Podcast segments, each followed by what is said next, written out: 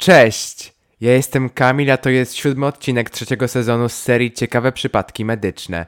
W dzisiejszym odcinku powiemy sobie o zespole Korsakowa, czyli inaczej chorobie alkoholików. Zapraszam do słuchania.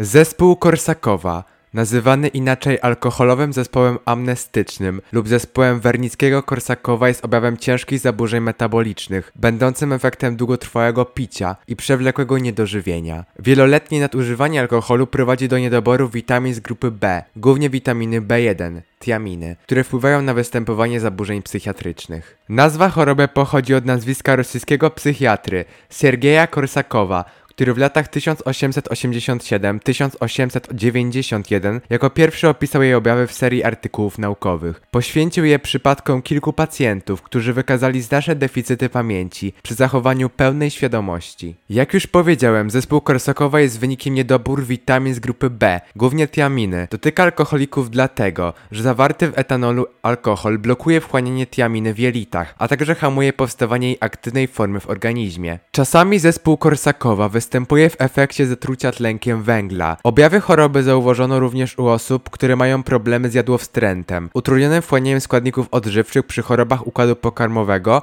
oraz chorujących na AIDS. Podstawowy objaw zespołu Korsakowa to głębokie upośledzenie pamięci świeżej. Osoba cierpiąca na ten zespół nie potrafi zapamiętywać i przywoływać nowych danych, nawet jeśli usłyszała je przed chwilą. Zazwyczaj ma problem z poczuciem czasu, jasnym i logicznym myśleniem oraz apatią. Ewentualne luki w pamięci łatwo zastępuje konfabulacjami, wspomnieniami rzekomymi, a także z myśleniami, tworząc nieprawdziwe historie. Trzeba pamiętać, że w zespole Korsakowa nie pojawiają się elementy typowe dla otępienia takie jak zaburzenia myślenia abstrakcyjnego czy sądzenia. Według badań w około 20% przypadków psychoza przechodzi głębokie otępienie. Zespół Korsakowa ze względu na różnorodne objawy zarówno psychiczne, jak i fizyczne może powodować trwałe powikłania a nawet śmierć. Leczenie zespołu Korsakowa polega na pozajelitowym podawaniu witaminy B1 w dawce od 50 do 100 mg na dobę. Dodatkowo obniża się ilość węglowodanów w diecie